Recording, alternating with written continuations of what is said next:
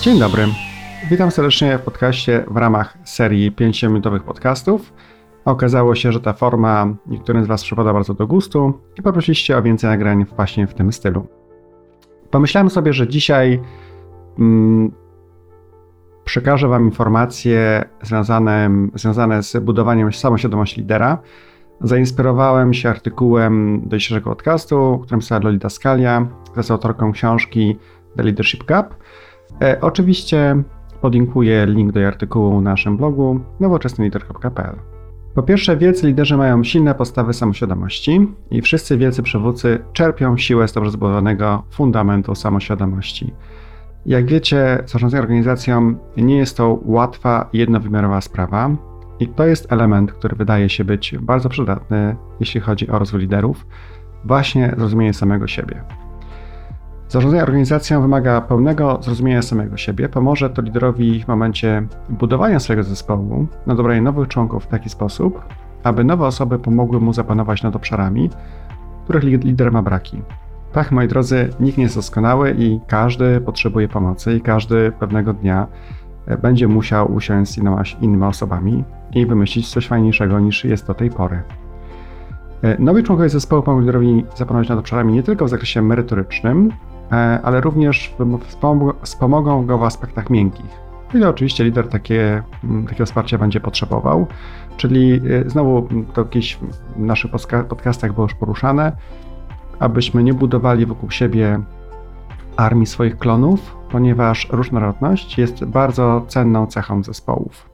I ta w myśleniu, jak i również ta oczywiście wiedzy merytorycznej. Zarządzanie takimi obszarami wymaga wysokiego poziomu świadomości emocjonalnej, a także wiedzy o tym, jak być elastycznym i chęci zmiany swojego zachowania, aby być skutecznym liderem. Także pod kątem e, również naszego podejścia do tematu, musimy być otwarci na to, że nie jesteśmy doskonali, jak i również e, szukać pomocy w osobach nas otaczających. To może kilka przykładów, e, które opisują nieświadomego lidera i co taka nieświadomość może mm, spowodować. Po pierwsze, liderzy, którzy są nieświadomi samych siebie, często nie słuchają opinii innych, ani przyjmują opinii krytycznych. Y, to też oczywiście pytanie, jak te opinie są przekazywane, natomiast zakładam, że są przekazywane w sposób profesjonalny i dotyczą meritum sprawy. Osoby również, e, które nie są w pełni samoświadome, mogą mieć problemy z tym, żeby wczuć się w innych lub przyjmować ich perspektywy. Kolejnym elementem to jest to, że tego typu osoby, liderzy, mają problemy z czytaniem pokoju, czyli nie dostosowują swojego przekazu do swoich odbiorców, błędnie odczytując to, co się w danym pomieszczeniu, na danym spotkaniu dzieje. E, posiadają zaważoną opinię na temat ich wkładu i wyników. To pewnie każdy z nas pewnie kiedyś odczuł, że wynik zespołu czy wynik większej grupy osób jest absolutnie zawłaszczony przez jedną osobę, która koniecznie akurat w tym obszarze najwięcej dokonała. E, biorą udział w sukcesach i obwiniają innych za nie do powodzenia, czyli e, stare powiedzenie sukces ma wielu ojców, natomiast e, porażka zawsze znajduje się jednego kozła ofiarnego, który ma być za nią odpowiedzialny. I to jest absolutnie coś, czego nie chcemy. Czyli podsumowując, pierwszy punkt to samoświadomość. Druga cecha to jest to, że liderzy, którzy chcą być świetnymi liderami, dają szansę rozwoju innym i dają im obszar, którym mogą sobie sami zarządzać. Oczywiście można im pomagać w ramach coachingu, w ramach rozwoju, w ramach dyskusji, natomiast jest to obszar, który dla nich należy i jak go będą prowadzić, tak będzie mniej więcej wyglądał. Nie znalazłem dobrego polskiego odpowiednika na słowo, które po angielsku opisuje to, ten obszar, nazywa się empowerment. Także jeśli macie jakiś pomysł, to zostawcie w komentarzach. I teraz jedną rzeczą jest zrozumieć siebie, być świadomym, kim jesteś, ale najwyższą chyba jakością przywództwa jest umiejętność wzmacniania innych. Razie przywódca jest w stanie zainspirować swój zespół, aby zachęcić go do przekraczania doskonałości, osiągnąć o wiele więcej, niż ktokolwiek, się, niż ktokolwiek od nich oczekuje, lub oni sami oczekują od siebie. Dobry przywódca może zabierać ludzi tam, gdzie chcą, ale wielki przywódca zabiera ich tam, gdzie niekoniecznie chcą iść, ale powinni być. Czyli prawdziwi liderzy nie krują naśladowców, ale kreują nowych liderów.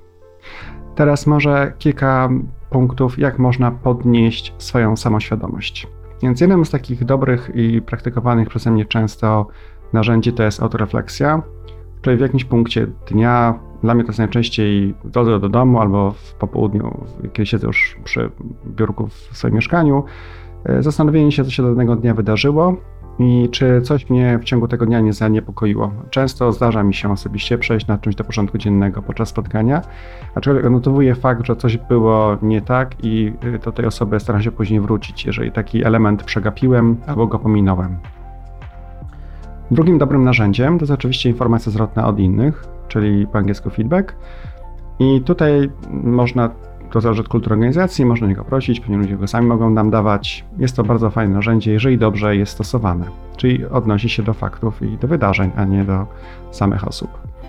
To, co często bardzo również stosuję, w szczególności jeśli mam spotkanie z większą grupą osób, to jest obserwator w pokoju. Jeżeli mówimy do osób ponad 100, ciężko absolutnie być samoświadomym tego, co się w danym wydarzeniu działo, jaka była reakcja uczestników spotkania Pomimo najszczerszych chęci jest to bardzo trudne, dlatego dodatkowa osoba w pokoju, która właśnie jej rolą jest obserwowanie, jak, jak wyglądała komunikacja, jak została odebrana, jakie były wrażenia, jaka była mowa ciała, jest to bardzo, bardzo przydatna rzecz.